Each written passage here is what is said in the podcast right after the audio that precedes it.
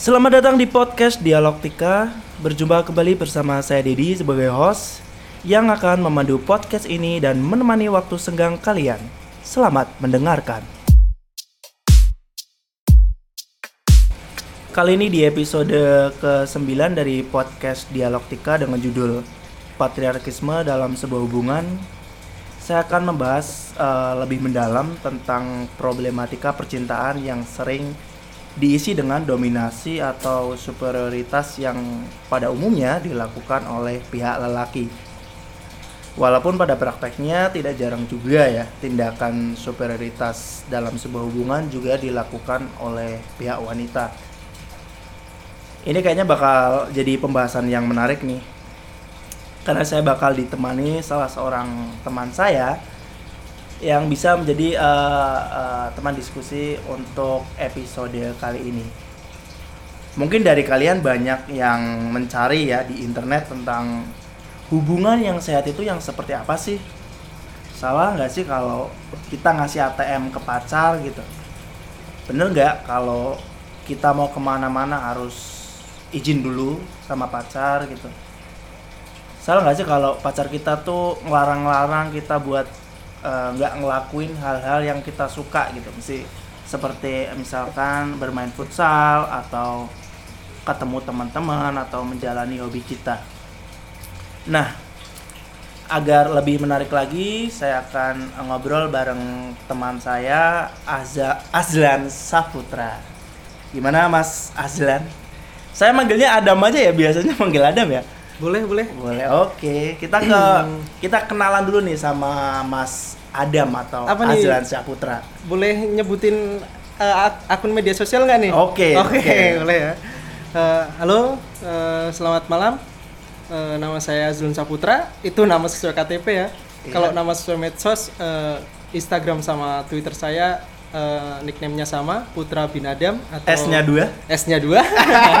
Putra bin Adams yeah, atau okay. Putra Adams. Bisa dipanggil Putra atau bisa dipanggil Adam silahkan. Kita nggak perlu nggak perlu apa ya uh, membedah uh, nama saya kenapa Azlan Saputra tapi kok dipanggilnya Adam? Itu nanti melebar ya. Kita bahas ke yang yang sesuai konteks yang sesuai aja oke. okay. okay. kita kenalan dulu sama Adam nih. Adam kan uh, kalau Adam pernah ngobrol sama saya ini konsep konsep pacarannya Adam ini lumayan menarik nih karena bisa dibilang kalau kata dia sendiri itu adalah menganut sistem egaliter lah ya. Iya betul. Jadi uh, egaliter tuh secara simpelnya tuh nggak ada hierarki gitu kayak ada dominasi dari laki, lelaki atau, atau perempuannya. Boleh cerita nggak uh, cara konsep bercinta konsep bercinta konsep pacaran kalian gitu? Kalau apa ya? Uh, saya saya menjalin hubungan uh, sudah lebih dari tiga tahun ya empat tahunan lah empat tahun ini berarti dari semester awal dari pacar saya semester awal. Kalau sayanya sih nggak usah disebutkan ya semester iya. berapanya. Yang jelas tahun ini semester genap. Berarti kamu dapet dia dari nyaring nyaring dari nyaring nyaring eh, maba maba ya? Iya dari maba. Sok-sok jadi aktivis gitu ya Oke. Okay. Aktif, tapi kan nggak aktivis progresif cabul ya. Oh, ya. Soalnya sekarang emang lagi rame tuh. Rame, rame bener bener bener. Banyak juga kayak anak-anak skena, anak-anak musik juga, musik-musik musik-musik yang hmm. erat dengan aktivisme ya. hmm. ya. Itu jadi memperkosa banyak banget tuh. Boleh disebut aja kali ya? Boleh, Sampar boleh. nama itunya. iya, iya, iya. Iya, itu lagi rame juga. Lagi rame itu. Banyak juga kayak aktivis-aktivis yang cabul gitu juga nih, rame nih Nah, apa ya? Kalau kalau saya nih kan e, kembali nih ya. Iya, oke. Okay. kalau saya e, sama pacar saya e, bukan kalau saya lebih menamainya bukan pacar. Kenapa? Saya lebih ke apa ya? Teman, teman hidup. Iya, te teman hidup, teman sharing. Artinya di sini e, Emang emang ada apa dengan konsep pacar? Karena apa ya? Kembali lagi ke pembahasan yang akan kita bahas nanti tentang patriarki tapi mungkin ini saya ingin menjelaskan dulu ya. Uh, saya ber, be, berteman lah berteman tapi secara intens uh, dengan salah satu teman wanita saya yang selama empat tahun terakhir ini bareng lah. Itu saya nggak sepakat kalau bahkan bahkan ya saya ingin ngeser nih saya nggak pernah nembak. Masa? Sumpah nggak pernah nembak satu Uh, karena saya tahu kalau saya nembak saya pasti ditolak. Oh, itu. Okay. saya menembak terus eh, dengan konsep kita bener-bener bareng terus terus eh, sering diskusi beberapa hal sering eh, apa ya membicarakan beberapa hal juga bareng eh, apa saja sih sebetulnya yang dibicarakan nah dari kedekatan-kedekatan yang sifatnya eh, apa ya temen kayak gitu bisa kerana mungkin yang lebih intim sahabat. Nah kedekatan emosional ini kena. Akhirnya apa? Kami bersepakat untuk eh, ya apa ya? Kalau kalau friend with benefit bukan Anjing, juga sih kalau friend with kalau benefit. FBB enggak enggak. itu menjurusnya ke negatif Ah, biasanya enggak, orang ya. enggak. ini enggak tapi lebih kayak ya ya lu punya kehidupan lu sendiri gitu lah. Ah, kamu oke. punya kehidupan kamu sendiri saya punya kehidupan saya sendiri dan eh, ketika penyatuan kehidupan masing-masing ini disatukan ini eh, melalui bener-bener apa ya pembahasan yang lebih serius lagi. Soalnya saya pernah tanya pernah nih pernah tanya kita pacaran nggak sih? Kata dia enggak. Tapi kalau orang-orang nganggep kita pacaran ya udah silahkan orang-orang yang yang nganggep tapi kita sendiri kita yang tahu. Lah selama akhirnya apa? Kita cuma memutuskan buat komitmen aja. Komitmen ya secara secara secara harfiah mungkin kayak saya support system ke dia lah iya. Ah, support system ke dia biar dia kuliahnya juga eh, tapi ada kon- teman diskusinya tapi konteksnya sama kan kayak Sepertinya sama. Nah, apa ya? Saya dalam pacaran malah dia yang menentang saya ketika apa ya? Ketika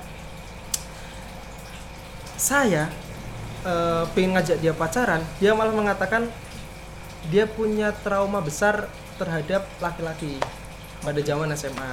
Nah, itu terhadap yang pengekangan dan sebagainya seperti seperti itu. Malah dia bilang kalau kita pacaran nanti kayaknya kamu bakal ngatur aku kalau enggak aku yang bakal ngatur kamu deh. Malah susah.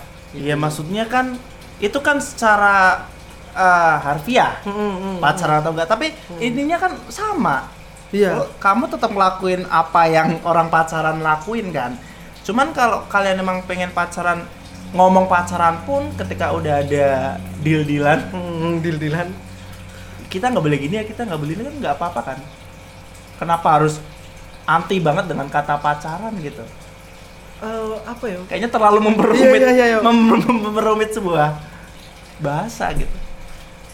Kalau kalau saya lebih menghargai Dad serius kalau saya lebih menghargai eh, ketika dia menjelaskan kenapa dia nggak mau pacaran eh, tapi kita bersepakat pada satu titik pada satu titik terus kita komitmen saya terus dia bisa menjelaskan secara rasional juga eh, saya terima dan saya menghargai dan eh, apa pun yang dikatakan oleh pasangan saya ini ketika bisa dirasionalkan ya it's okay saya seperti itu Nah terkait apa ya misal kayak dalam patriarki nih eh, kita masuk nih mungkin ya masuk ke patriarki. Oke. Kadang kan ada beberapa eh, kawan-kawan kita juga eh, ada yang belum tahu kan patriarki itu apa gitu kan. oke Nah sebenarnya gini patriarki itu eh, satu sistem sosial di mana si laki-laki ini memegang kendali atau dominasi penuh terhadap perempuan.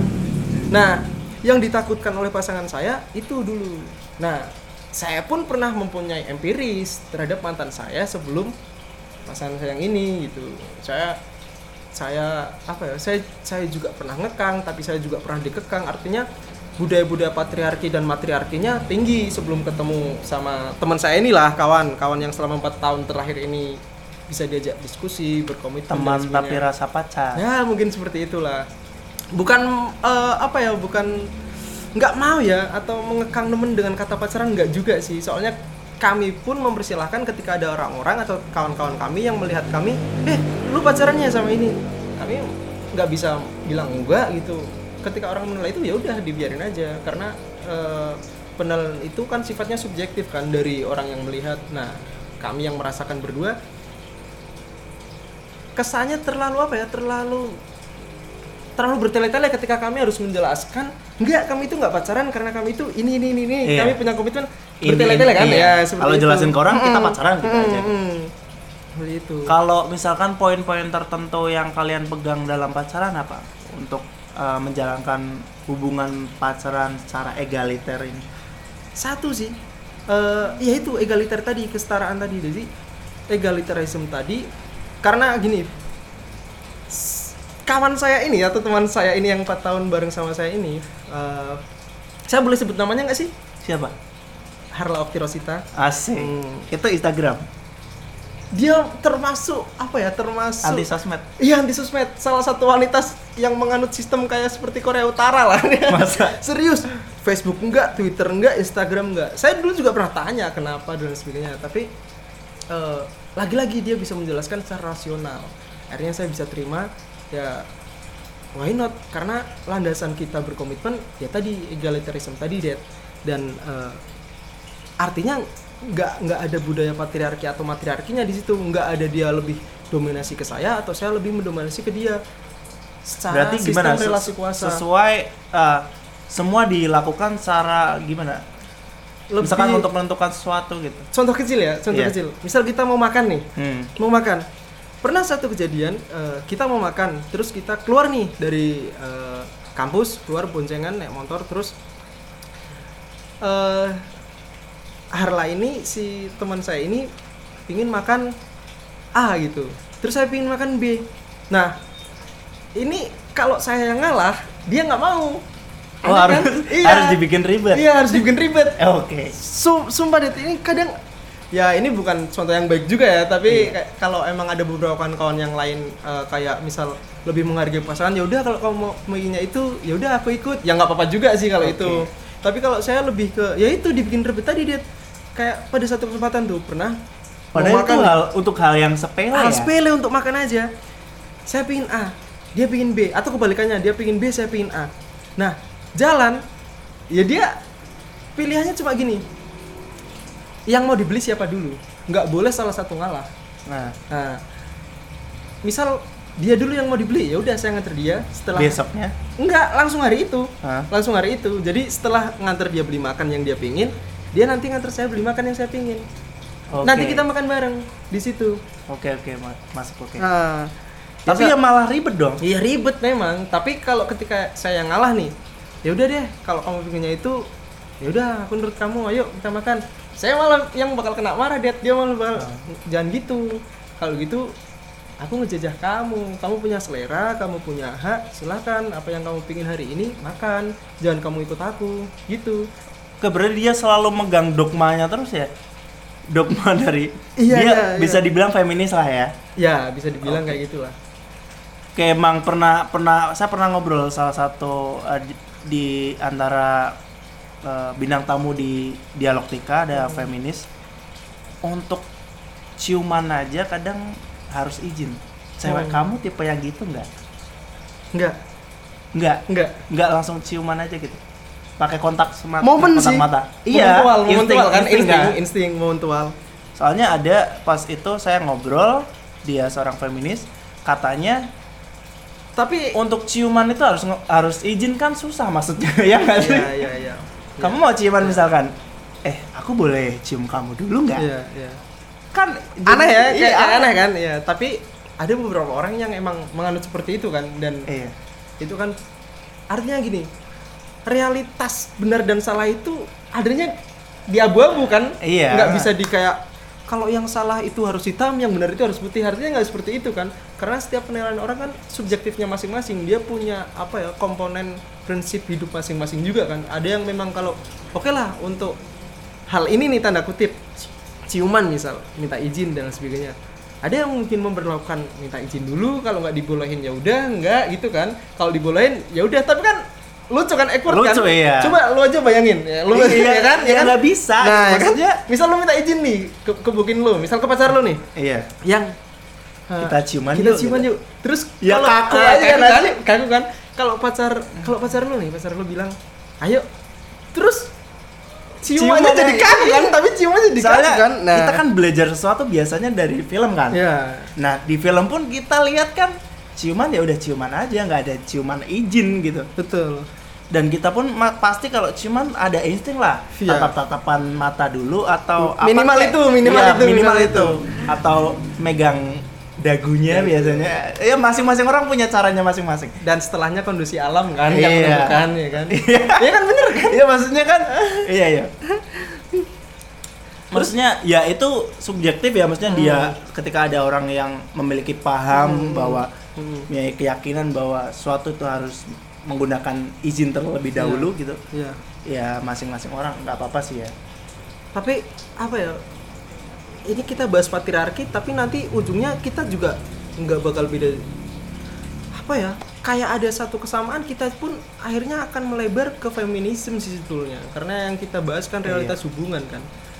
Nah, tapi nggak lebih mendalam ya nggak lebih mendalam bahas. karena ya kita yang ingin bahas kan patriarkinya kan di sini. Oke, kita kita ke eh, a- a- pengertian patriarki sendiri. Tadi kan kamu udah bahas sedikit tentang Iya. patriarki. Kamu bisa ceritain lebih mendalam nggak tentang apa itu patriarki, eh, prakteknya di masyarakat kita ya, khususnya Hmm. itu seperti apa, terus sejarah singkatnya tuh gimana, kenapa? apa apa ya ini ini ini berdasarkan pengetahuan secara subjektif ya Eh, ada beberapa buku yang saya baca juga Eh, artinya gini patriarki itu dulu sejarahnya ini eh apa ya saya ingin kalau saya ingin jelaskan terlalu jauh kesannya kayak apa ya? Kita akhirnya membahas membahas terlalu jauh juga kan? Nah patriarki ini sebetulnya dulu eh, pada zaman eh, s- 100 lah ya 100 satu abad satu abad yang lalu itu dominasi laki-laki sama perempuan itu nggak ada sebetulnya. Relasi kuasa relasi kuasa laki-laki ke perempuan itu nggak ada dulu karena geraknya gini eh patriarki muncul itu setelah ditemukan pertanian. Sebelum itu sebelum itu laki-laki eh, untuk menghidupi keluarganya Berarti zaman komunal dong. iya zaman komunal bener. Zaman komunal karena dulu emang eh, Tapi saya boleh debat dikit nih, kalau berdasarkan hipotesisnya dari Darwin, iya bahwa manusia awalnya dari manusia primal kondisi Hmm, manu- manusia primal di mana ada satu patriarki seorang kepala kelompok yang diisi oleh satu laki-laki dan bisa diisi oleh dua sampai lebih Hmm, wanita hmm. itu bisa dikatakan ini hipotesis ya bentuknya Iya, ya iya. kalau kamu kan tadi ya coba juga hipotesis Hmm, juga hmm, cuman hmm. kalau berdasarkan teorinya Darwin ini udah dari zaman berarti apa ya purba purba ya eh kok Hmm. purba zaman itulah pra lah pra Iya. kan prasejarah gitu zaman zaman itu tuh udah Hmm. ada sistem sistem patriarki ini, Iya. kalau kita ngambil dari hipotesisnya Darwin, ya iya. Nah, kalau kembali lagi eh, kalau yang saya ketahui patriarki itu eh, akhirnya munculnya dominasi dominasi kelas atas kelas laki-laki ke perempuan itu dulunya sebetulnya nggak ada. Karena eh, sistem pengelolaan sebuah keluarga atau hubungan zaman dulu itu sistemnya komunal. Laki-laki berburu wanita di ranah domestiknya memasak dan sebagainya. Nah mengurus anak itu artinya bener-bener dikerjakan eh, setara lah. Laki-lakinya laki-lakinya berburu terus eh, si wanitanya mengerjakan ranah domestik. Eh, apa ya nganyam dan sebagainya. Yang di Oke. situ juga bisa menghasilkan eh, ekonomi kan di situ. Nah akhirnya apa? Perkembangan zaman eh, terus peradaban juga semakin maju berburu ini kegeser jadi bercocok tanam. Nah bercocok tanam ini yang dulunya wanita nah yang pertama kali bercocok tanam itu justru malah wanita. Tadinya? Tadinya justru wanita. Nah karena berge- berarti sebelum era ko- era komunal dong iya betul berarti apa Tapi- era batu ya kalau nggak salah zaman batu kan sebelum era komunal kan sebelum kalau gue kalau saya ngambil dari buku Homo Deus ya Hmm, hmm, hmm. kalau dari Homo Deus sebelum era komunal yang pertanian ini kalau nggak salah tuh era batu zaman Hmm. Era batu. batu. Nah, cuman apa ya? eh, pengelolaan secara keluarganya itu lebih ke egalitarism. Jadi kayak setara gitu, Dad. Justru patriarki ini muncul setelah era perburuan kegeser, peradaban kegeser, bercocok tanam yang dulu dilakukan oleh eh, Wanita. wanita, laki-laki berburu, wanita ke ladang, memasak, bercocok tanam dan sebagainya. Nah, akhirnya eh, bercocok tanam ini digeser oleh laki-laki. Hmm. Nah, si wanita akhirnya disuruh di rumah. Nah, ini sifat-sifat patriarki ini muncul karena patriarki itu sebuah ideologi sih kalau yang saya baca. Akhirnya di sini ada sistem kelas juga di situ. Akhirnya ranah-ranah domestik wanita ya cuma di dapur ngurus anak dan sebagainya.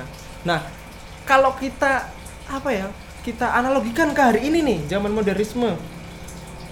Patriarki yang seperti itu rasanya kan sudah kayak nggak bisa kan nggak bisa diterapkan Iya, maksudnya kok uh, uh, ada perubahan lah. Iya, maksudnya nggak udah nggak seperti konsepnya udah nggak seperti dulu gitu.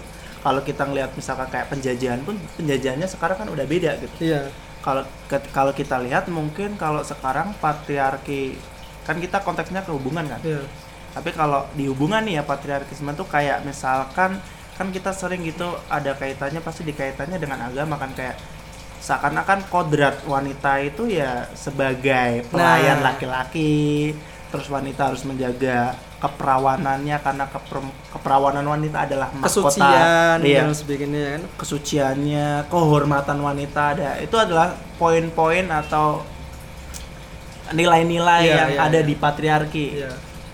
Dan eh, kalau kita bisa lihat kalau secara simpelnya dalam patriarki itu wanita tuh bukan subjek kalau Iya. menurut saya. Jadi wanita tuh sebagai objek. Iya. Ob- objek yang dimiliki lelaki gitu. Betul betul. Jadi Nah, kalau mungkin kalau tipe pacaran kalian ya hmm, tipe pacaran kalian udah kayak kamu milikku aku milikmu gitu tuh udah sebenarnya udah salah sih ya. Salah salah.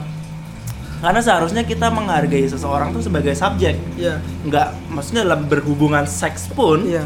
kita harus tahu bahwa pasangan kita tuh juga berhak untuk orgasme kan? Iya. Bukan ketika kita top top top top top keluar terus ditinggal tuh enggak? Nah, enggak. Iya, karena betul, kadang kalau kita lihat di internet juga kadang ada yang share sharing tentang pengalamannya katanya dia hanya jadi objek objek pelampiasan seksual. Betul, pemuas nafsu doang iya sedangkan nafsunya birahinya enggak terluapkan gitu. Iya, karena iya. banyak konsep dari kita, cara berpikir kita yang ngerasa bahwa wanita tuh ya hanya pelampiasan seksual gitu. Mungkin eh, yang lebih dekat lagi apa kalau menurut kamu yang dalam patriarkisme dalam hubungan selain seks misalkan? apa ya kayak gini misal lu kamu nih kamu kamu ini apa ya ini bahasanya nggak salah terlalu dirumit ya Iya. karena pem- penjajahan itu men- menurut saya lewat bahasa sih yang paling parah kan Iya. nah uh, gini yang paling simpel ya yang paling simpel. Misal kamu det kamu punya hobi. Oke. kamu punya hobi. Eh, atau cewek kamu nih cewek kamu juga punya hobi. Eh, hobinya ternyata eh, apa ya eh, lumayan ekstrim.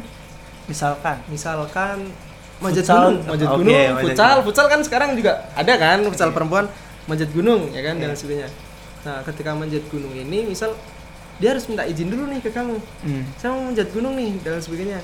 Boleh nggak dan sebagainya. Ketika kamu nggak bolehin kan kamu di situ sudah apa sudah memperlakukan satu penjajahan terhadap haknya kan? Iya, oke. nah atau eh, bisa dibalik eh, matriarkinya ketika kamu punya hobi futsal Iya terus jadi kita jelasin dulu yang matriarki ya. Ya Hmm. matriarki sama patriarki itu sebenarnya sama aja. Sama. Cuman beda subjeknya aja. Hmm. Kalau mat- patriarki itu laki-laki yang mendominasi Kalau- kalau matriarki perempuan yang lebih mendominasi Nah, atau yang sama. memiliki sistem relasi kuasa lah Ya jadi kita tuh pengen bahasnya intinya intinya sebenarnya bukan ke patriarkismenya tapi sebuah dominasi dalam sebuah hubungannya. Iya, gitu. itu. Contoh Tadi- simpelnya itu sih. Kalau kalau menurut saya, jadi kayak misal nih, cewek kamu eh, pengen keluar eh, atau pasangan kamu pengen keluar sama teman-temannya, terus kamu nggak ngebolehin karena eh, kamu eh, dengan alasan. Jadi kan ada nih zaman sekarang yang yang Ah. model kayak gini nih. Oh jadi kamu lebih mentingin teman kamu daripada aku dan Iya, sebagainya kan? Itu tai kan? Iya, Maksudnya har- kan harusnya kan uh, terus ngelarang-larang gitu iya, kan menurut saya. iya, kan- maksudnya itu kan pilihan masing-masing Iya. kan, pilihan masing-masing Hmm. orang. Seharusnya misalkan uh, ada ngelarang pun misalkan itu tindakan yang salah misalkan Hmm, nih. hmm. Kita kan kita lebih luas lagi nih ngobrolnya. Misalkan itu tadi ka- kamu ngobrol soal masalah hobi. Iya. Tapi ini tindakan misalkan yang tergolong negatif, misalkan memakai narkoba, terus kamu ngelarang gitu. Iya. Itu gimana kalau menurut kamu? Kalau narkoba kan udah diatur sama undang-undang kan bahwa Iya, narkoba salah ya kan? salah kan kalau di Indonesia Misalkan gitu dalam kan. Lah, dalam kalau- sebuah hubungan Iya. kamu larang gimana? ya, ya itu baik sih karena kan preventif kan Kok baik gimana ya coba? kan ya kan pencegahan kan mencegah karena kan Iya gini, kamu da- dalam standar ganda berarti. enggak enggak gini maksudnya kamu kan kelarang kan kelarang untuk dia berbuat salah kan Iya. Maksudnya dia mau melakukan uh, perbuatan narkoba gitu. Nah, Iya. dalam satu sistem negara aja narkoba udah dilarang kan. Iya. Nah, ketika kamu memberitahu dia kan itu satu langkah yang baik kan. Itu Iya. preventif pencegahan kan. Maksudnya gitu. Uh, nah, kalau misal Enggak kita bahasnya di konteks melarangnya. konteks melarangnya, Jadi nggak ada hukum nih. Jadi konteks larang tadi beda yang dilarang aja. Jadi kita jangan standar ganda dong. Maksudnya kamu harus bisa jelasin gitu kenapa eh, larang ini nggak apa-apa kok. Ini boleh karena kalau kita ngomong soal baik buruk aja kan sudah subjektif. Iya, iya. Buat kamu baik, buat Iya. aku buruk, Iya, ya kan? iya. Ketika kamu larang ini tuh contoh aja narkoba Iya. yang buat kamu Nah, nah, berarti- itu buruk Iya, ya iya, kan? betul. Nah, buruk ini bisa macam-macam. Sebenarnya saya mengambil konteks yang gampang aja. Hmm. Nah, ketika konteks yang pelarangan itu hal yang menurut kita, misalkan kan buat kita di kepala kita narkoba itu jahat. Hmm. Pacar kita gunain narkoba, kita ngelarang. Hmm. Hmm. Itu menurut kamu gimana? Patriarki enggak gitu kan? Itu Iya. patriarki enggak gitu kan? Walaupun itu sebenarnya buruk. Hmm, walaupun itu sebenarnya buruk. Nah, berarti gini, kita harus bedah dulu yang mau dikonsumsi narkobanya jenis jenis apa dulu kan? Enggak, kamu keluar konteks. Ini keluar konteks. Kalau ini keluar konteks. Enggak sih sebetulnya gini. Oke, ki- kita kembali ke konteks ya. Kalau masalah dalam pelarangannya eh, kan sama aja. Jadi uh, menurut saya gini ini soal isi, isi di kepala kamu ketika kamu memaksakan sesuatu kan berarti baik buruk menurut kamu dan orang lain harus melakukan hal yang sesuai dengan baik buruk menurut kamu. Ya nggak? Ya. Masuk nggak? Nah Masuk, masuk. kalau hal yang menurut kita buruk dan kan seringnya gitu Iya. dalam pacaran tuh dia ngelarang karena menurut dia itu nggak baik Iya, gitu. iya. Nah, ketika ngelarang itu, yang menurut dia buruk menurut kamu gimana? Contohnya aja narkoba. Contohnya bisa macam-macam. Hmm. Iya, iya, Cuman tindakan pelarangannya ini. Kalau yang diambil contoh narkoba, ini bukan standar ganda loh dia. Tapi Nggak kalau- narkoba deh. Kalau kamu mau bahasnya narkoba, saya nggak ke narkoba.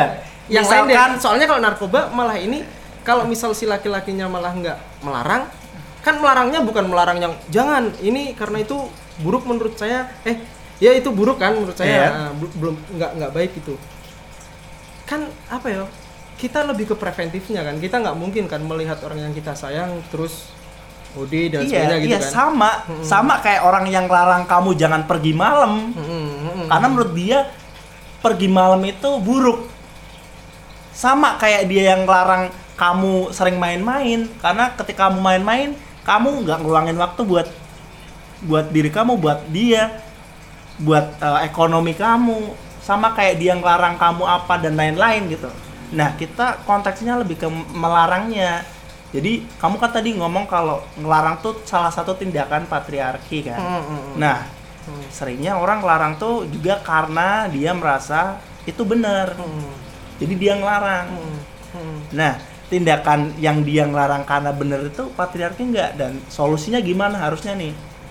Kita bedahnya gitu. Oke oke, ini konteksnya tetap kembali ke Iya. narkoba atau analoginya hampir sama kayak ya kayak lu Intinya suatu yang Ya, buruk. suatu yang buruk gitu ya. Kita nggak bahas narkoba. Oke oke oke. Ini pelarangannya kan? Iya, Maksudnya pelarangannya, pelarangannya. itu patriarki atau enggak gitu Atas kan? konsep benar dan Nah, atas jahat konsep itu. benar dan jahat. Kalau secara hak hidup ya, menggunakan narkoba, mau seks bebas, mau keluar malam, itu setiap orang menurut saya punya hak hidup Iya. ya kan untuk menjalankan itu semua. Hmm. Tapi eh, kembali lagi eh, apa ya? Ya kan kita kan punya batasan, punya norma kan. Hmm. Eh, saya lebih sepakat artinya ya, saya lebih sepakat. Ini bukan standar ganda ya. Sebeli, saya lebih sepakat ke yang kalau misal kita melihat orang yang kita sayang terus melakukan hal yang kita udah tahu loh konteksnya narkoba. Kalau keluar malam dan sebagainya kan kita nggak tahu kan. Maksudnya dia mau ngapain dan sebagainya. Iya. Tapi kalau kita udah tahu objeknya dia mau narkoba, saya akan melarang karena pelarangan ini menurut saya, menurut saya secara pribadi ini bukan patriarki tapi lebih ke preventif.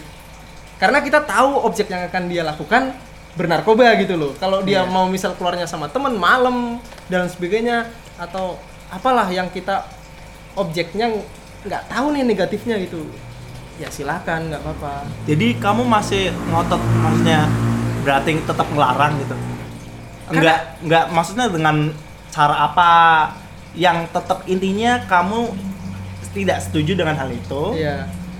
Kamu nggak pengen pacar kamu ngelakuin hal itu, Iya. tapi tidak merusak nilai-nilai yang kamu pegang, paham nggak? oh edukasi dong jelas Iya, nah maksudnya caranya gimana? Nah. gitu. ini kan saya kan ngambil contoh narkoba itu kan contoh aja. Iya, contoh contoh contoh. Jadi kan kita tuh suka nggak maksa ini kayak Hmm. eh kamu jangan gitu sayang misalkan. Hmm. Kamu jangan suka keluar malam nanti kamu gini gini gini Iya, gini. iya. Ah, Itu konsep ide sih kalau- konsep yang iya. menurut dia uh, salah. Iya. Keluar Itu- malam itu konsep yang menurut dia salah. Salah di sini ya bisa narkoba, bisa keluar malam, bisa apa pun yang menurut dia salah. Nah, seharusnya tuh gimana? Atau kita ngelarang aja udah, pokoknya kamu nggak boleh atau gimana? Kalau hal itu emang buruk misalnya.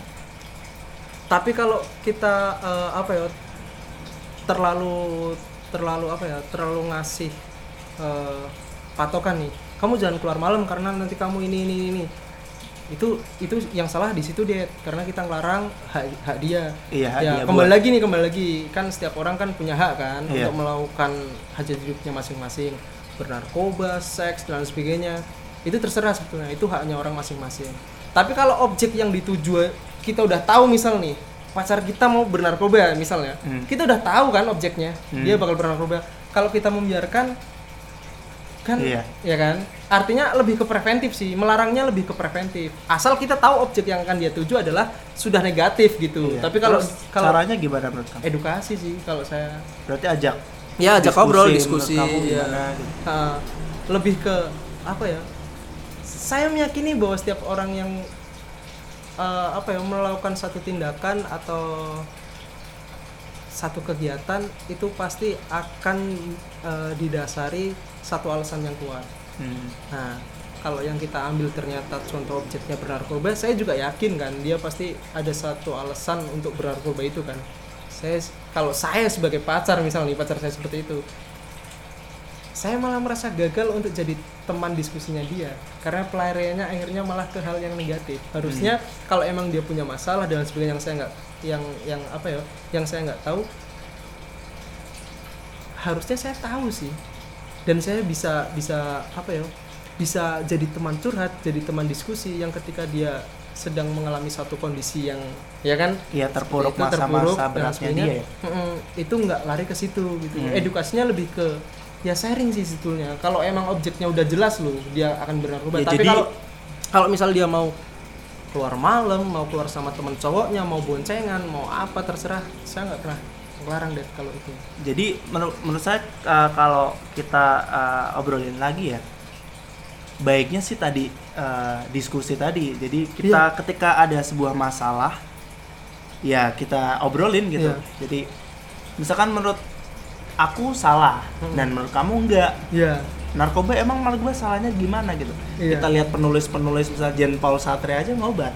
ya ya kan jadi subjektif lagi gitu jadi Hmm. kita nanti akan ngobrol lagi ketemunya gimana ini Iya. ini masih narkoba Wah. kalau dalam hubungan mungkin dalam hubungan kalian misalkan cewek kalian nganggep bahwa futsal itu hal yang buruk misalkan Iya, ya iya, iya. ya kamu boleh aja nganggap itu nggak buruk tapi buat si cewek itu hal yang buruk nah gimana sih kalian bisa uh, saling diskusi gitu tentang bahwa oh ini ini tuh aku loh buat ini gitu. Jadi kayak tadi kamu ngomong berarti ya edukasi tadi ya. Mm-mm. jadi kita harus tahu masing-masing hak kita gitu. Iya, betul. kita lanjut nge- ngobrolin soal ini nih. Kayaknya tuh kalau uh, ngomongin soal patriarki ya budaya patriarki tuh seakan-akan cowok nih yang selalu menang gitu. Iya. masalahnya saya juga ngerasa dalam budaya patriarki ini cewek juga diuntungkan gitu karena gini eh seakan-akan tuh kalau kita lihat eh, praktek di kultur kita aja ya Hmm. cowok tuh harus mapan Hmm. harus siap secara ekonomi Ah, cowok harus jadi orang yang terhormat Iya. Yang gimana ya yang jadi imam Oh. ya gitu gitulah ada eksistensi uh, seorang lelaki Hmm. di kultur kita Hmm. gitu. Nah, seakan wanita tuh cuman kayak bagi saya ini merugikan sih sebenarnya Hmm. budaya ini nggak cuman buat wanita gitu. Hmm. Seakan kan kita harus siap nih secara ekonomi, kita harus mapan dulu. Hmm. Dan tugas wanita ya udah nggak usah kerja, kamu nggak uh, nunggu ada yang lamar aja. Hmm. Hmm. Dan konsep ini sebenarnya ya bertak gimana ya nggak sepenuhnya menguntungkan buat lelaki juga sih. Kalau menurut kamu gimana nih tentang uh, uh, kondisi ini gitu? kalau saya lebih menyikapinya gini eh, ada satu tesis ya tentang feminisme sampai kenapa akhirnya wanita bisa berpendidikan eh, sekolah kan sekolah berpendidikan terus bekerja eh, yang kerjaannya mungkin itu kalau dilihat dari orang umum katanya itu adalah pekerja- pekerjaan laki-laki tapi si wanita juga mampu mengerjakan itu contoh nih kayak apa ya mandor proyek lah Oke. Ah, mandor proyek proyek kan konotasinya kan lebih ke cowok kan Iya. mungkin kan lebih ke maskulin gitu tapi ada loh eh, satu atau bahkan dua atau lebih wanita yang bisa jadi mandor juga kan Hmm. mandor proyek dan sebagainya nah kalau saya lebih melihatnya dalam kajian eh, feminisme ini lebih dominan ke egalitarisme tadi terus budaya patriarki sama matriarkinya ini bener-bener kalau bisa dihilangkan karena gini budaya patriarki di kultur negara kita itu kayak sudah lu Lumrah. percaya nggak sih ah lumrah Iya, gitu kan jadi kodrat. nah sudah jadi kodrat Ya kan kodrat wanita ya sebagai nah pelayan. gitu-gitu kan artinya kalau saya nggak sepakat ya Iya, kita kayak gitu. kita coba jelasin dulu nih yang yang kodrat. Sebenarnya kalau kita ngobrolin soal kodrat ya sebenarnya struktur sistem apa pun yang ada di masyarakat sekarang ini itu sebenarnya dibuat oleh manusia. Hukum apa pun kultur budaya itu tuh dibuat oleh manusia. Nggak ada yang Tuhan nyiptain kultur tuh nggak ada gitu. Iya. jadi ketika kamu ngomong misalkan kodrat wanita sebagai pelayan lelaki itu tuh Iya. udah terlalu dibuat-buat Iya, aja gitu iya, iya. Karena gini, saya saya pernah sharing nih, ada satu kesempatan saya sharing dengan eh, salah satu teman saya yang dia bukan bukan ini ya, bukan cewek saya ya, maksudnya teman lah, teman yang Hmm. lain maksudnya. Dia lebih concern ke hal feminisme. Jadi dia pernah bilang kayak gini, Dad. Eh, dalam feminisme itu dalam feminisme eh, yang membedakan antara laki-laki dan perempuan itu katanya cuma gender. Cuma jenis kelamin. Hmm, tapi secara hak sama. sama. Dia manusia wanita juga manusia. Laki-laki manusia wanita juga manusia. Artinya apa pun yang ada di muka bumi ini yang ketika bisa dikerjakan itu nggak selalu dominan bahwa oh ini pekerjaan laki-laki berarti ranahnya laki-laki. Nggak gitu. Hmm. Nah, sampai akhirnya apa ya? Eh, akhirnya wanita bisa berpendidikan, bisa kerja, bisa keluar rumah dan sebagainya yang men- menurut orang umum itu kayak lu keluar dari sangkar gitu kan. Hmm. Lu kayak lu udah udah bukan kayak perempuan perempuan umumnya gitu, Iya, gitu kan. di stereotype Ah, gitu. di stereotip gitu kan. Saya malah lebih sepakat itu.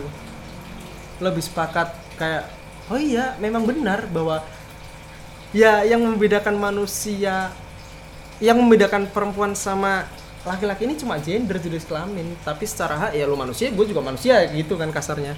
Terus apa bedanya? Yang saya bisa kerjakan tapi kamu juga bisa kerjakan kenapa enggak? Terus kenapa saya harus ngelarang? Terus misal nih eh, kayak banyak kan chef chef cowok tapi dia masak. Oh masak oke. Nah itu kan ranahnya perempuan katanya kan? Tapi cowok juga banyak. Nah, cowok juga banyak kan. Artinya kan apa pun jenis pekerjaan yang bisa dilakukan oleh manusia, ya silakan dikerjakan gitu kan. Nggak nggak nggak terlepas kayak domain ini ranahnya laki-laki, ini ranahnya perempuan. Nah, kalau dalam hubungan ini kembali lagi ke hubungan det ya. Kalau dalam hubungan saya kok lebih nggak sepakat kalau laki-laki itu terlalu ngatur wanita, wanita itu terlalu ngatur laki-laki. Garis besarnya itu, garis garis kasarnya itu. Karena apa ya? Menurut saya di situ ada satu penjajahan atas hak hidup sih. Itu kalau kalau saya. tapi ngerasanya kalau orang pacaran ya kita dalam saya ngeliat eh, orang-orang yang pacaran tuh nganggep pelarangan itu hal yang biasa. Ini masalahnya ya. iya betul Bahkan ketika kita nggak ngelarang, Hmm. oke kita ngomong soal pelarangan dan pelarangan itu buruk, uh, uh, super- superioritas itu Iya. buruk. Ketika kita paham prinsip egaliter gitu. iya Nah, ketika orang-orang biasa yang mungkin nggak pernah apa ya teredukasi tentang hal ini nganggap bahwa ya dalam pacaran itu hal-hal mencemburui, bertengkar, betul betul terus melarang-larang itu biasanya di- dianggap sebagai tanda sayang gitu. Anehnya gitu. antiknya itu Jadi ketika kamu nggak pernah ngecek eh, HP pacar kamu, kamu malah dibilang nggak perhatian gitu. Iya Pernah nggak? iya iya iya saya saya pernah ngalamin Soalnya itu. saya pernah pengalaman. iya ya. iya iya ketika kita menganut prinsip egaliter kita nggak pernah ngecek HP kita nggak pernah ngelarang dia main sama siapa kita malah dianggap nggak sayang ini yang salah dari ya karena kita akan dibilang cuek ya iya karena kita akan dibilang nggak peduli nggak gitu. peduli cuek dan sebagainya gitu ya ini ini yang mungkin bisa dibilang eh, salah dari awalnya lah tapi menurut saya sih sub- subjektif juga maksudnya ketika kalian rasa hubungan seperti itu sehat ya silahkan sih iya Tapi sih menurut saya yang jadi pegangan dalam sebuah sebuah hubungan kalau menurut saya nanti menurut kamu gimana? Ketika hubungan itu berjalan ke sesuatu yang eh, eh, tujuannya tuh sebagai cita-cita atau ke depan itu hubungannya baik sih menurut saya. Maksudnya kalau hubungan itu yang membuat kamu malah jadi terpuruk. Hmm. itu hubungan itu udah nggak sehat. Jadi ketika hubungannya udah kayak cewek kamu sebagai sistem support misalkan atau cowok kamu sebagai sistem support kalian tuh bergeraknya ke arah yang lebih baik dan konteks lebih baik pun tetap subjektif lagi gitu. Dan ketika kalian arahnya ke konteks yang lebih baik menurut saya sehat. Jadi hubungan tuh ya ngejarnya cita-cita cita-cita bersama. Hmm. paham nggak? Komitmen kan? Ada Iya. komitmen kan di dalam situ kan? Iya iya. Jadi ketika cita-cita bersama itu udah di dipatahkan misalkan cita-cita bersama kita menganut misalkan kayak kamu prinsip egaliter. Nah ketika udah nggak menganut sistem egaliter ya udah Udah. kita udah nggak sejalan. Betul betul betul. Kalau ka- kalau menurut kamu Karena gimana nih hubungan gini. yang sehat kalau hubungan yang sehat kalau bisa ya jangan selalu melibatkan perasaan. Hah? Serius serius. Boleh jelasin nggak? iya iya iya gini maksudnya kalau percintaan tuh maksudnya ya ya perasaan. Iya perasaan, tapi nggak selalu didominasi oleh perasaan, tapi harus harus ada satu balance antara perasaan dan logika. oke paham paham. Jadi kayak gini, apa ya? Misal, misal, misal. Eh, ketika ketika kamu nih pacaran, terus ketika kamu bilang tadi cuek dan sebagainya, malah itu dianggap gak cinta kan? hmm. Kayak lu nggak pernah ngelarang dan sebagainya, malah bakal dianggap, yo kamu nggak sayang berarti sama aku karena kamu nggak pernah nanya Ah, aku tanya dan kan sebagainya gitu, gitu-gitu ma- kan. malah nganggapnya kadang mungkin ah kamu mungkin selingkuh di balik Hmm, aku hmm, karena hmm. kamu nggak pernah nanya-nanya Hmm. aku nggak kepoin aku gitu Mm. Kalau apa ya? Kalau menurut saya ya cinta itu sikap sih. Gimana tuh Saya Gimana, pernah, saya, anjing saya pernah Kamu nulis di blog. Serius, serius, saya pernah nulis di blog. Nih, cinta itu kalau menurut saya sikap eh, suatu orientasi karakter yang menentukan keterkaitan seseorang dengan dunia keseluruhan. Jadi nggak cuma dunia si wanita ini. gimana tuh bukan pada satu apa bukan pada satu objek cinta maksudnya kayak ketika lo cinta sama kebanyakan gini eh, simpelnya gini kebanyakan ketika orang jatuh cinta eh, dia akan memberikan keseluruhan hidupnya untuk si wanita ini atau si laki-laki ini dengan mengatasnamakan ini loh saya itu sayang sama kamu apa yang saya punya saya berikan ke kamu Nah. dari waktu tenaga pikiran Iya, dan sebagainya gitu-gitu Ngerti, kan. menurut saya itu malah kayak apa ya?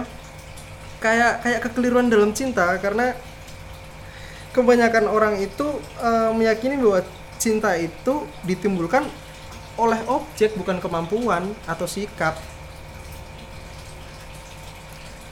Bahkan mereka per, ini ya bahkan mereka percaya bila mereka tidak mencintai orang lain selain orang yang mereka cinta itu dianggap cinta yang luar biasa. Bener nggak? Ya maksudnya kayak itu itu bisa dibilang udah kesakit sih ya? Sakit ya? Eh, ini bisa jadi Ta- bahasan lagi nih. iya. Jadi standar sebuah percintaan ya ini gabungin tentang perasaan dan logika Hmm, seperti hmm, tadi. hmm. Jadi kita tetap harus sadar dalam percintaan ya. Kita harus sebenarnya kita tuh punya batasan nih dalam eh, Hmm. pacaran gitu. Kita boleh ngelakuin suatu hal sampai sejauh mana Hmm. hubungan kita bisa dibilang sehat Iya. dan bisa di sampai sejauh mana nih eh, hubungan kita bisa dibilang buruk. Udah sakit lah. Hmm. Tadi kan kita kamu ngobrol soal kayak kita ngasih sesuatu semuanya gitu, Hmm, seakan-akan itu ya iya, kamu kamu adalah aku gitu. iya gitu gitu kan Nah, hubungan sesuatu bisa dianggap sehat menurut kamu Hmm. itu berarti batasannya apa? Kalau dianggap kalau kita uh, kita berpegang tadi di perasaan dan logika logika itu. Eh, kalau menurut saya ya, Misalkan contoh suatu sudah ini hubungannya udah buruk nih kalau aku jalan kaki dari Jakarta sampai Jogja demi kamu misalkan. iya Iya. itu bodoh sih kalau itu iya. kan, ya? Kalau menurut kamu gimana Hmm. nih? Batasannya apa? pertama ya pertama ya pertama tadi egaliter jelas ya dalam hubungan harus ada egaliter karena eh, Kalau ini sih lebih ke masing-masing sih masing-masing ya tapi saya punya beberapa poin yang ini boleh disanggah boleh juga diakan karena kan ini penilaian secara subjektif kan Oke. ya maksudnya gini eh, dalam hubungan atau eh, percintaan harusnya emang melibatkan logika juga sih karena eh, cinta itu harus dalam kerangka rasional progresif kalau kalau kalau Ribet kalau- ya, ribet ya. kalau, kalau menurut saya Aktivis ya, itu. ribet. Wah, aktivis apaan? Kalau menurut saya itu sih cinta itu harus dalam kerangka rasional progresif. Jadi ketika lo cinta sama orang, lo nggak harus memberikan nih lo pin ATM saya ini, ini Iya. pegang kamu atau nih eh, password IG saya ini kalau Iya. kamu pegang. Itu sering banget tuh. Enggak, enggak, enggak, enggak gitulah maksudnya konsep menurut saya Iya. Jadi enggak Loginya- punya aku punya iya, enggak. iya, iya. Kita harus logikanya patah kan kalau Iya. patah kan logikanya kalau misal kayak lu cinta nih sama orang terus sampai akun medsos IG, Twitter atau Facebook atau apa lu berikan Iya. pinnya nih kalau kadang juga ada yang eh, minta Jadi seakan-akan kalau pacaran tuh kita nggak punya ranah privat. iya akhirnya Jadi akhirnya kita gitu tuh kan ya dibagi bersama. iya Itu itu udah udah terla, udah nggak sehat tuh ketika Iya. hubungan udah kayak Iya. gitu ya. logikanya kan patah kalau kayak gitu Iya. nah itu yang menjadikan seseorang kalau misal dia patah hati dia akan gila Iya, karena dia ngerasa udah ngasih semuanya. iya Oke. dan patahnya akan sepatah-patahnya iya iya iya. Iya Har- kan? Sebenarnya sih emang harus tetap sehat sih kayak. Iya. Nah, misal nih, kalau saya dulu pernah bilang kayak gini ke Harla yang kata orang-orang nganggep kalau itu pacar saya kan, tapi Udah lo bilang pacar aja sih kenapa iya pacar, pacar. Oke pacar. Oke. Eh, komitmen lah teman komitmen. Iya, oke. Diperhalus ya. Eh, saya pernah eh, bilang sama Harla, bilang kayak gini. Kalau misal kamu eh, ketahuan, eh kamu di belakang aku nih selingkuh, aku nggak bakal marah. Aku bilang gitu. Kalau ada orang yang ngejustis kamu bahwa kamu sedang melakukan kesalahan karena kamu menyelingkuhi aku, aku malah bakal ngebela kamu. Karena gini men, kan cinta itu kan hak kan, hak Iya. setiap makhluk hidup kan. Iya. Ketika dia bisa berselingkuh di belakang kita, artinya ada hal-hal yang nggak bisa disepakati di hidup kita untuk hidup dia. Dan dia menemukan orang di belakang kita yang menurut dia secara pilihan itu bisa disepakati dalam hidup dia.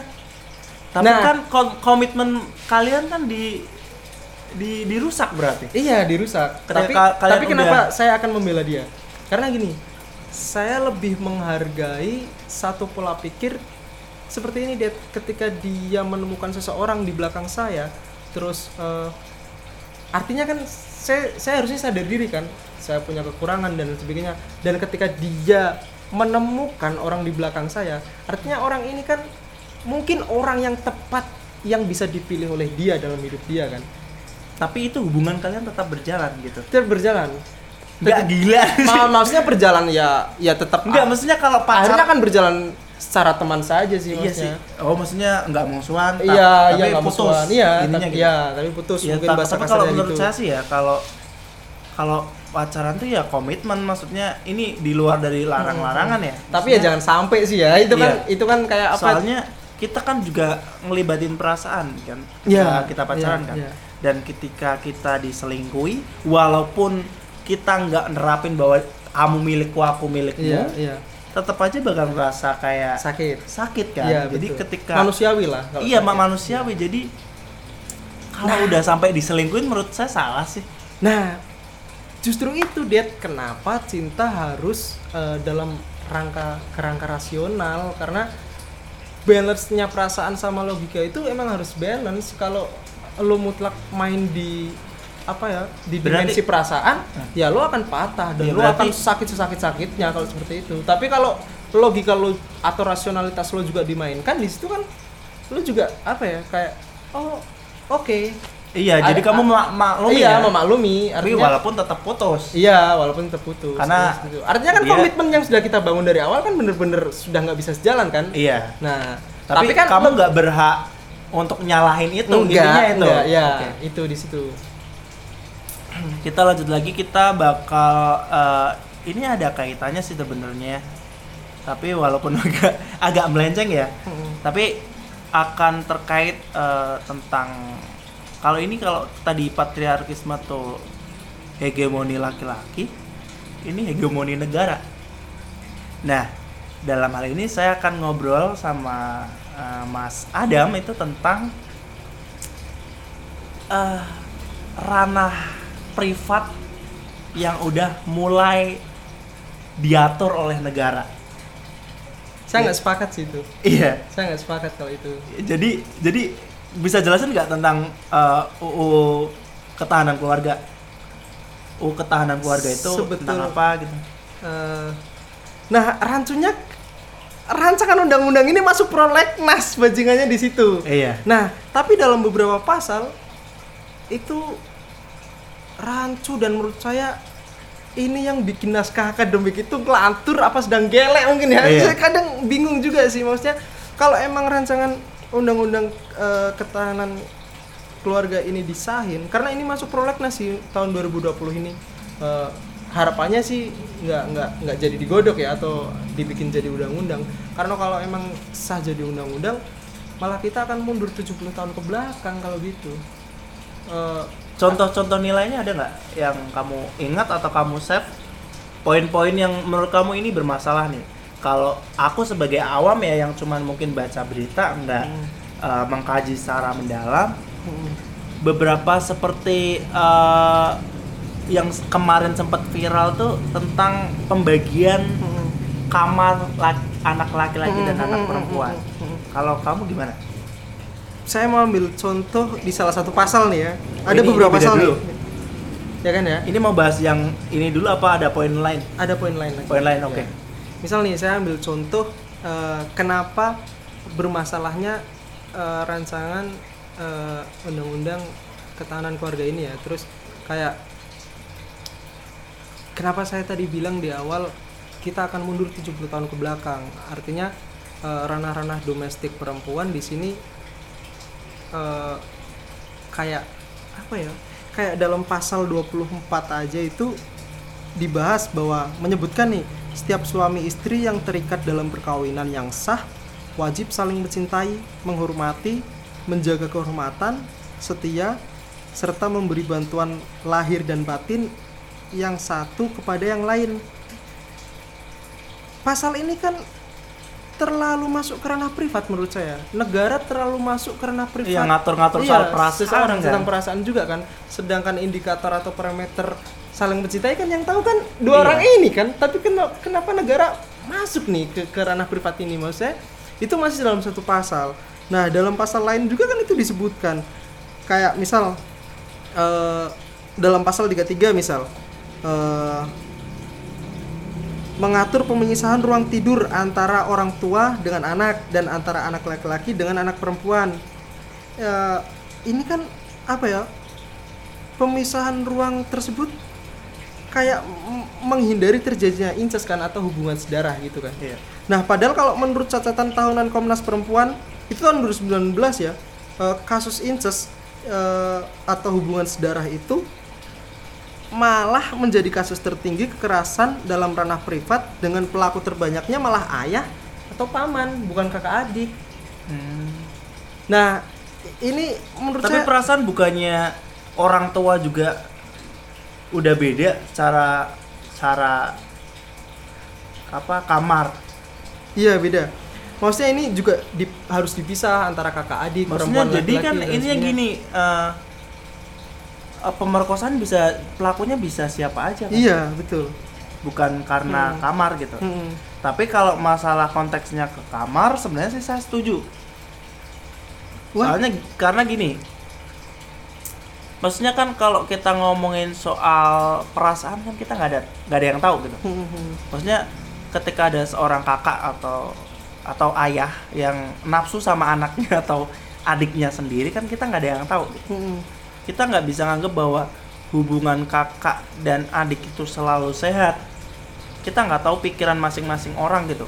Jadi ketika ada eh, undang-undang, sebenarnya sih nggak perlu undang-undang sih, Mm. cukup edukasi aja gitu. Jadi ketika ada undang-undang yang eh, membahas tentang itu, sebenarnya kalau menurut saya sih nggak apa-apa karena ya sebuah eh, langkah baik untuk eh, eh, meminimalisir terjadinya incest walaupun incest ini tanpa kamar dipisah pun Bisa terjadi. bisa terjadi. Iya. Tapi saya nggak setuju, nggak setuju kalau cowok dan cewek sekamar. Paham nggak? Iya, paham paham paham. paham. Jadi sebenarnya ini tuh udah jadi eh, kultur aja di masyarakat dan mungkin di masyarakat udah menjadi hal yang umum kayaknya kalau Mm-mm. ya nyesuaiin kondisi ekonomi juga sih. Mm-mm. Tapi menurut saya kalau cowok dan cewek itu emang harus dipisah sih. Mm. Karena pada prakteknya pun saya dulu pernah dapat cerita dari teman saya. Nggak tahu sekarang ini teman, ya saya nggak mau ngomong teman ya. Orang yang pernah saya kenal gitu aja. Karena dia brengsek gitu. Dia pernah megang tete adiknya. Mm. Kalau nggak salah ini adiknya tapi adik adik adik tiri. Mm. Waktu adiknya lagi tidur. Kan udah kacau banget. Ini gitu. gila sih kalau itu. Iya. Itu sakit sih sebetulnya kalau gitu. Pasti kalau kalau ditarik ya di- ditarik ke garis besarnya kenapa dalam uh, rancangan undang-undang ketahanan keluarga ini negara dikatakan patriarki. Patriarki negara di sini maksudnya. Karena dalam beberapa pasal yang lebih dominan itu laki-laki dalam sistem relasi kuasanya lebih kuat dibanding perempuan. Nah, si perempuan yang sudah 70 tahun lebih mengorganisir dirinya dalam organisasi-organisasi dulu kita kenal Ger- Gerwani dan lain sebagainya gitu-gitu Iya. kan. Maksud saya eh, ini akan mundur akhirnya. Akhirnya apa? Perempuan cuma di ranah domestik, dia memasak di rumah atau eh, apa namanya ya?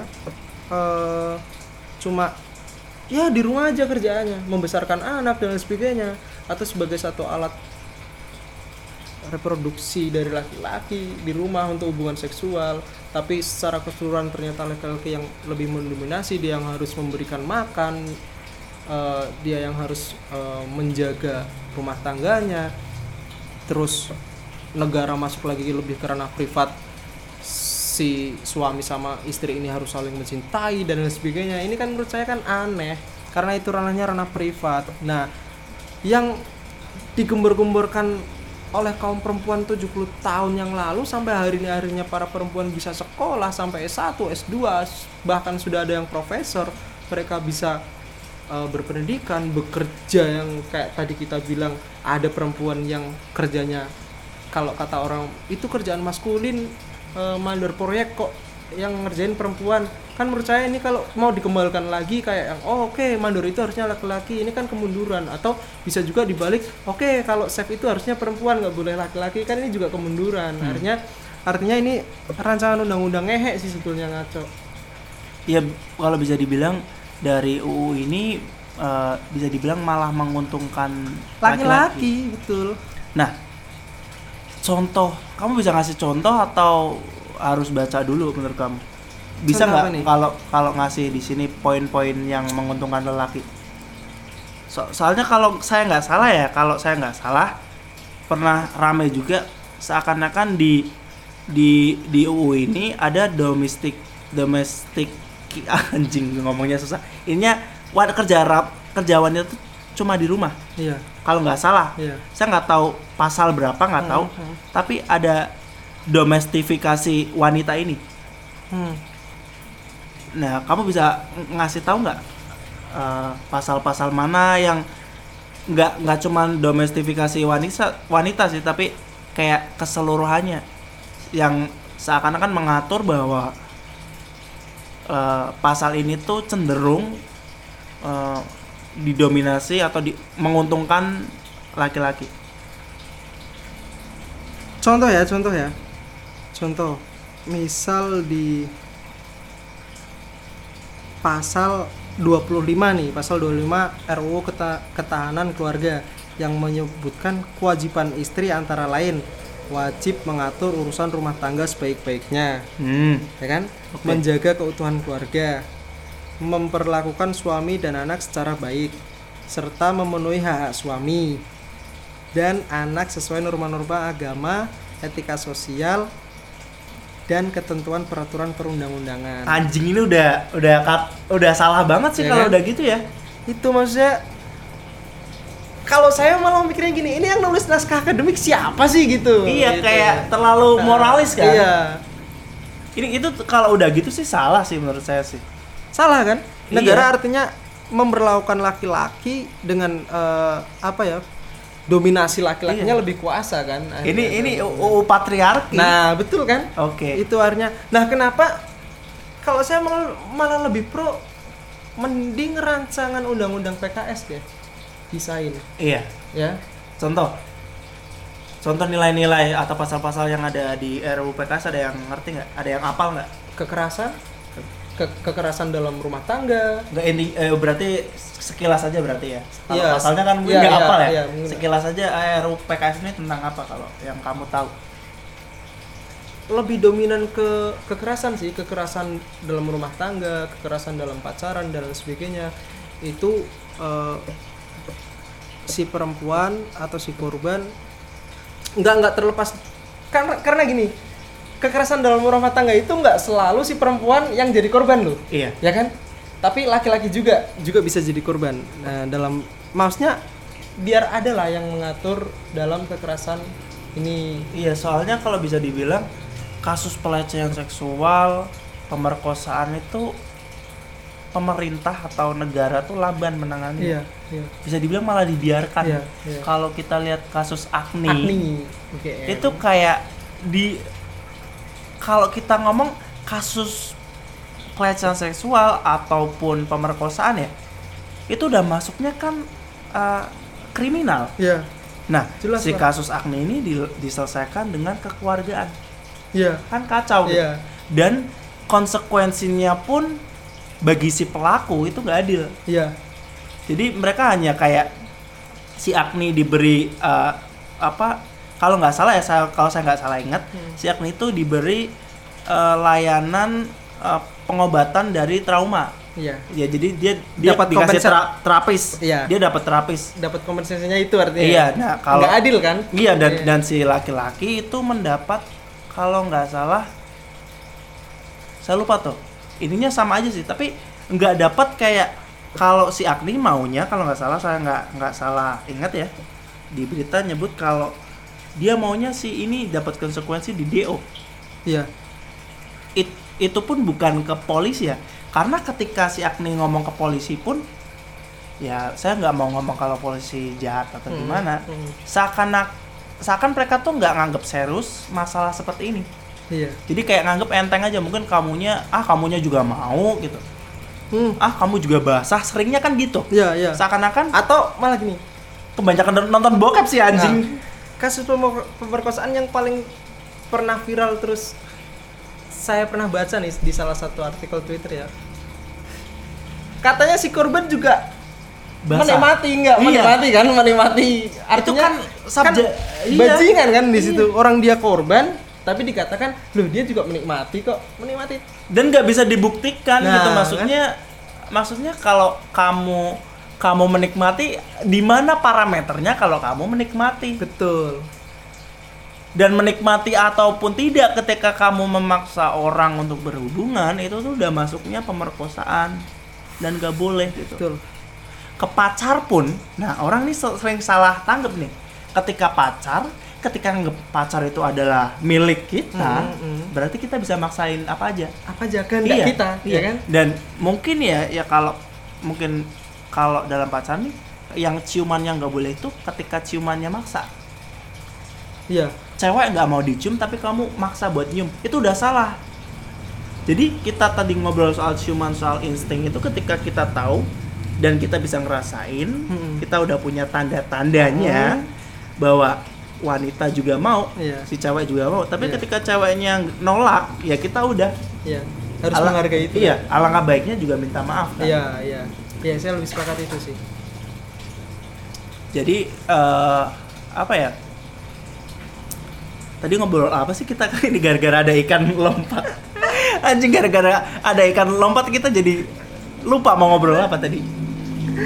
Kita kembali lagi aja ke patriarki dalam sebuah hubungan. Ah. nah, ini udah berapa menit sih kita ngobrol tentang udah patriarki? udah lumayan lama, Oh, lumayan lama. kita lumayan jalan lama. aja udah. Jalan aja ya. Maksudnya gini intinya yang ingin saya sampaikan bahwa patriarki itu nggak baik dalam sebuah hubungan matriarki pun nggak baik dalam sebuah hubungan laki-laki terlalu mempunyai relasi kuasa terhadap wanita itu jelas nggak baik dan wanita terlalu mempunyai sistem relasi kuasa terhadap laki-laki itu juga nggak baik artinya Iya. oke saya sepakat dengan tadi yang kamu omongin that komitmen Hmm. Nah, komitmen itu saya sepakat. Nah, tapi komitmen ini harus diimbangi dengan apa ya? Logik, logika. Artinya cinta boleh dalam komitmen itu dibalut dengan cinta boleh, tapi cintanya itu juga harus dibalanskan dengan logika, Iya. dengan rasionalitas. Nah, yang jadi dasaran uh, kalau saya bisa memberikan uh, poin mungkin dasarnya egaliter sih itu. iya jadi uh, lebih Dalam saling meng- hubungan, iya, ya. lebih menghargai kalau aku sih ke subjektivitas gitu jadi tiap orang punya haknya masing-masing tiap orang jadi ke- ketika kamu kalau menurut saya ya, ketika kamu udah nganggep bahwa uh, pacarmu itu milikmu itu udah salah Iya. karena kamu udah nganggep bahwa si pacarmu itu Objek. adalah objek Iya, betul, bukan objek. subjek Iya. nah sedangkan subjek itu punya hak Ya, kalau kita mau mau bahas hak hak manusia itu apa aja sih banyak, Banyak banget. banget. ya jadi intinya nggak ada yang namanya kamu milikku gitu Iya. objektivitas Iya. wanita itu udah Iya. salah Iya. dalam seks dalam apa pun Iya. itu udah salah sih kalau Iya. menurut aku ya Dan objektivitas terhadap laki-laki dari wanita Juga itu juga salah. salah. Serius. oke kalau wa- misalkan laki-laki wanita eh, mau misalkan laki-laki harus kerja salah nggak Wanita gimana gimana gimana gimana? nih kan kalau kita misalkan udah dalam hubungan pernikahan Heeh, terus laki-laki nggak mau kerja heeh. salah nggak Saya ingat dosen saya. Dosen saya salah satu dosen hukum kekayaan intelektual, dia pernah eh, mengenyam pendidikan di Jerman. Katanya masyarakat Jerman itu yang kerja dominan malah wanitanya. kultural berarti kultural berarti ya tapi kalau saya sih lebih sepakat gini eh, ketika dalam sebuah komitmen hubungan hubungan entah entah itu sudah rumah tangga atau belum eh, pertama kita harus saling menghargai Eh, pertama menghargai yaitu terus kedua kita harus kalau bisa jadi support system aja Hmm. di situ. Nah, biar bisa jadi tempat sharing, tempat curhat, tempat diskusi. Artinya kita bisa jadi satu teman atau sahabat yang dibalut oleh komitmen sebagai pemecah eh, atau sebagai eh, orang yang ngasih solusi ketika dia sedang terpuruk atau ketika dia sedang pengen ngambil keputusan dan sebagainya gitu-gitu aja sih di ranah itu mungkin tapi kalau lebih yang mendominasi bahwa ini jangan itu jangan kamu ini nggak boleh. Menurut saya ini sudah terlalu apa ya terlalu lucu lah. Karena kita memaksakan kehendak kita untuk eh, untuk menguasai hidup orang lain. Hmm. mungkin itu. Dan eh, apa ya terus kaitannya sama itu? Sama soal laki-laki di rumah dan nggak kerja ini harus ada pendiskusian Soalnya kan? sering disalahkan seakan-akan Iya, iya, iya. iya ya nggak? Iya, iya betul betul. Tapi kalau emang ternyata di situ sudah ada satu musyawarah, musyawarah Iya, diobrolkan, diobrolkan sama hubungannya ya, sesama hubungannya, why not? Nah, orang-orang yang di sekitarnya harusnya nggak boleh ngejustice itu. Nah, terkadang kita kemakan itu kan, Yes. kemakan dari stereotip itu. Iya, stereotip itu bahwa ah laki-laki kok nganggur di rumah, laki-laki kok ngomong di rumah dan sebagainya gitu-gitu kan, malah wanitanya yang kerja dan sebagainya. Tapi kan lo yang bilang kayak gitu kan nggak tahu bahwa mereka sudah berkomitmen lo terus bermusyawarah dan sudah deal dan sepakat. Artinya kayak oke di ranah ini nggak apa-apa lo yang di rumah, lo yang ngomong, lo yang masak dan sebagainya. Saya yang perempuan yang kerja, tapi harus ada ranah dealnya. Tapi kalau mereka berdua nggak ada ranah dealnya ya pasti salah satu ada yang akan tersakiti sih dan benar-benar ada yang kayak ngerasa kok gini gitu. Pasti akan gitu sih. Terus nyambung kalau eh, tadi kita ngomong soal tadi eh, peran dalam keluarga kan. Kadang kan tadi kan eh, seakan-akan kalau kita ngomongannya soal feminisme atau ya semangat egaliter ini seakan-akan yang dimaksud adalah cewek juga kerja, cowok juga kerja. Kadang salah orang di situ. Iya, Maksudnya ketika cewek perannya di rumah pun menurut saya nggak salah. nggak salah. Karena itu komitmen dalam sebuah keluarga. Iya. Oke, kamu sebagai lelaki, kamu Iya. yang kerja, Iya. saya sebagai perempuan, saya yang di rumah. rumah, iya. Sebenarnya kehormatannya sama, Sama, saya. iya. Nggak ada kalau yang nyari uang lebih terhormat, yang di rumah tidak terhormat tuh nggak ada. Betul. Jadi mereka punya peran masing-masing. iya, Nah. betul betul. Semangat feminisme tuh bukan berarti cewek juga pengen kerja, cowok kerja, terus nggak ada yang ngurus rumah, nggak ada yang ngurus anak tuh nggak. Mm-mm. Maksudnya kalau dalam perjanjiannya misalkan ya udah kamu yang kerja, Ah, misalkan cewek yang kerja, cowoknya yang di rumah dalam dalam perjanjiannya kalian setuju ya udah Iya. kamu ngerjain kerjaan rumah cowok dan cewek yang kerja ya nggak apa-apa nggak salah Iya. cuman salah kultural mungkin orang bakal dapat omong-omongan Nah, dari tetangga kan Betul.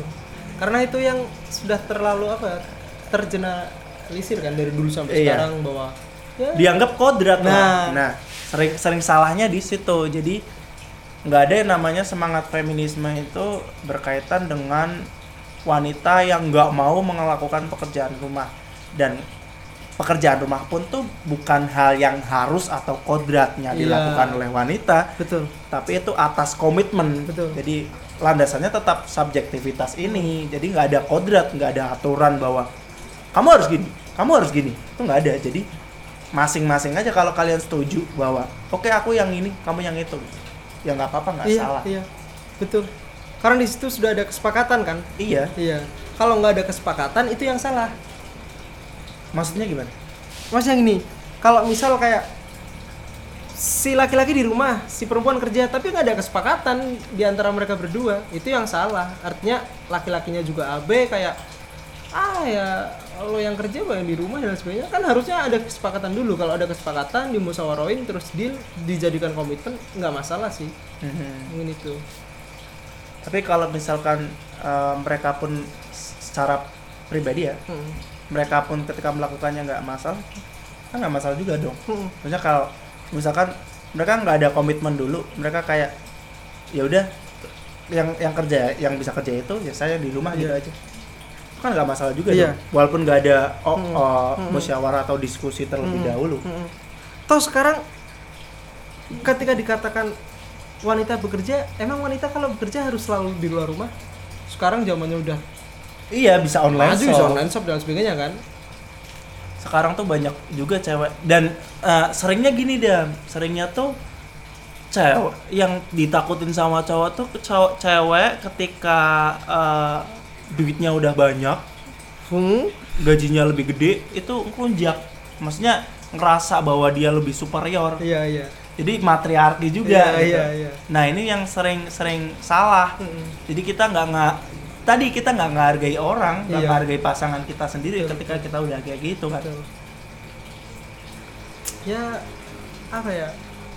Intinya itu sih ya. kita kita ngobrol RUPKS aja tadi tadi tuh lagi ngomong RUPKS kan iya yang kita tadi aku bingung ada ada ikan ikan lompat Iya. RUPKS gimana nih Tapi Saya agak lupa sih kalau Oke. RUPS-nya enggak. Kurang enggak. ya, jadi belum mengkaji ya? Belum mengkaji. Mungkin eh, kita udah ada ap- apa ada yang pengen diobrolin lagi? Apa ya? Eh, pesan mungkin ya? Pesan anjing. Anjir pesan.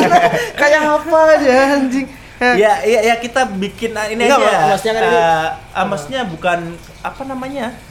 bukan, bukan- pesannya bukan pesan, Budiman tapi- Sujatmoko juga ini Iya, kan. bukan uh, mengguru ya, maksudnya Hmm. kayak closing statement aja kita ngerangkum tadi apa yang kita obrolin ya. Iya. Intinya gimana menurut kamu? yang kita bahas tadi kan patriarki tapi tetap kita akan eh, apa nggak bisa bahas satu pihak doang patriarki karena patriarki itu akan selalu bergandengan dengan matriarki juga kan Iya. nah kalau rangkum dari obrolan kita tadi kembali lagi bahwa dalam setiap hubungan eh, entah itu pernikahan atau pacaran eh, relasi kuasa atau dominasi kuasa dari laki-laki perempuan harusnya nggak usah atau nggak ada ataupun sebaliknya relasi atau dominasi kuasa perempuan terhadap laki-laki harusnya nggak ada dan harusnya dilandasi oleh komitmen nah komitmen itu yang harusnya ketika lo pengen ngajak pasangan lo berhubungan lebih lanjut eh, ke jenjang komitmen itu harus ada pendiskusian atau musyawarah yang benar-benar sifatnya apa ya eh, deal sepakat bareng Iya, Gitu. jadi nggak semua semua setuju dengan Hmm. persetujuan itu ya. Maksudnya Iya. kita mau apa nih misalkan kamu yang kerja di Hmm. luar ya, aku yang di rumah. Oke, Hmm. kamu setuju, aku setuju nggak Hmm. apa-apa. gitu. Apa mungkin itu sih Iya, kalau dari aku sih aku ngulang tadi aja ya, mak- maksudnya kalau kita dalam sebuah hubungan apa pun itu hubungannya dalam pertemanan, Mm-mm. dalam organisasi, Mm-mm. dalam pacaran ataupun nikah, Hmm. aku juga nganut egaliter sebenarnya. Hmm. Jadi aku nggak pengen ada saya nganggap orang tuh sebagai subjek gitu, Hmm. bahwa orang berhak bahagia, orang berhak memilih pilihannya masing-masing. Jadi ketika dalam hubungan kita udah ngerasa bahwa eh, pasangan kita atau teman kita itu bukan sebagai subjek yang memiliki hak hidup, Mm-mm. hak sebagai manusia itu udah salah sih Mm-mm. ketika kamu udah ngerasa seharusnya kamu tuh gitu seharusnya tuh kamu tuh gini gitu tuh udah salah sih karena orang berhak melakukan apa yang menurut dia baik kan Mm. jadi eh, kalau itu pun emang buruk misalkan ka- kayak tadi kita ngobrol soal eh, pasangan yang narkoba kan Mm. itu kan buruk kan Mm-mm. itu pun harus melalui jalur eh, diskusi gitu kita Diskusi. ngobrol lagi Iya. eh, bahwa sayang ini ini ini nggak baik loh Mm-mm. gitu kamu masa mau gini terus gitu. Mm-mm. terus misalkan ada konsekuensi pun nggak apa-apa misalkan kayak kalau kamu kamu eh, gini kayaknya kita udah nggak bisa bareng lagi deh karena salah satu opsi iya, ya, iya, karena iya. kamu udah semangatnya udah beda nih Mm, maksudnya mm, semangat mm. kita pacarannya udah beda gitu Mm, udah udah udah melenceng, dari Melenceng. komitmen yang Kamu- dari awal kita bicarain Iya. gitu kan ya ketika kamu udah nggak nggak bisa diajak ngobrol seperti ini Mm. kayaknya kita udah deh Mm. dan eh, menurut saya pun dalam sebuah hubungan itu lebih ke bukan menjaga bukan cuma menjaga Mm. misalkan dalam pertemanan apa pun ya Mm. kan kadang orang tuh cuma menjaga aja gitu Mm. biar hubungannya tetap nggak ada yang marah ada gimana nggak ada retak-retaknya Mm. dan kadang nutup nutupin Mm. bukan cuma menjaga kalau maksud saya kita juga harus eh, ke depan gitu Mm. kita harus eh, sesuatu yang sifatnya apa ya punya cita-cita lah eh kita punya cita-cita Iya. yang futuristik gitu Hmm, gimana iya. jadi kita tuh punya eh, semangat atau eh, dalam sebuah hubungan tuh yang eh, ke depan gitu Hmm. bukan yang kayak cuman menjaga atau misalkan biar nggak diselingkuhin kita harus Hmm, gimana hmm, biar hmm. nggak ya ya caranya bukan gitu Hmm, hmm. bukan men- bukan cuma menjaga tapi yang ke Hmm. depan maksudnya kayak misalkan eh, pasangan kamu gimana kita harusnya gimana nih kita maunya gimana nih biar eh, sebuah hubungan tuh jalannya ke depan gitu. Hmm. kita bisa sama-sama maju. Mm. bukan malah kayak biar hubungannya baik ya kita jangan gini-gini nih. Mm. enggak tapi kayak kita harus tahu masing-masing bahwa kita adalah subjek gitu. Iya. Di berhak menentukan hidup masing-masing. Kalau kata tadi saya ngambil dari kata-kata kamu sebaiknya dalam sebuah hubungan itu uh, pasangan menjadi sistem support Betul. dari pasangan. Hmm. Karena gini, terakhir nih ya, mungkin Iya oke eh, siap. saya meyakini bahwa setiap isi kepala manusia itu beda-beda, walaupun dia dilahirkan dari satu rahim yang sama. Iya Mungkin itu. Artinya eh, setiap orang punya hak hidup, punya hak untuk menjalankan apa yang ingin dia lakukan, dan ketika kita masuk ke domain ranah privatnya terus eh, kita melarang, kita sudah menjajah di situ. Mungkin itu. oke. Oke itu aja ya. Oke Dam, terima kasih udah jadi bintang Oke. tamu dari podcast Dia- Dialogtika gitu. Oke, terima kasih buat teman-teman yang udah dengerin sampai sejauh ini, udah mau stay ya. Walaupun mungkin obrolannya mungkin bagi orang bosenin iya. atau ini ngomong apa sih, tapi terima kasih buat kalian yang udah ngeluangin waktu buat eh, dengerin sampai sejauh ini. Sampai bertemu di podcast Dialogtika episode selanjutnya. Terima kasih. Semoga harimu menyenangkan.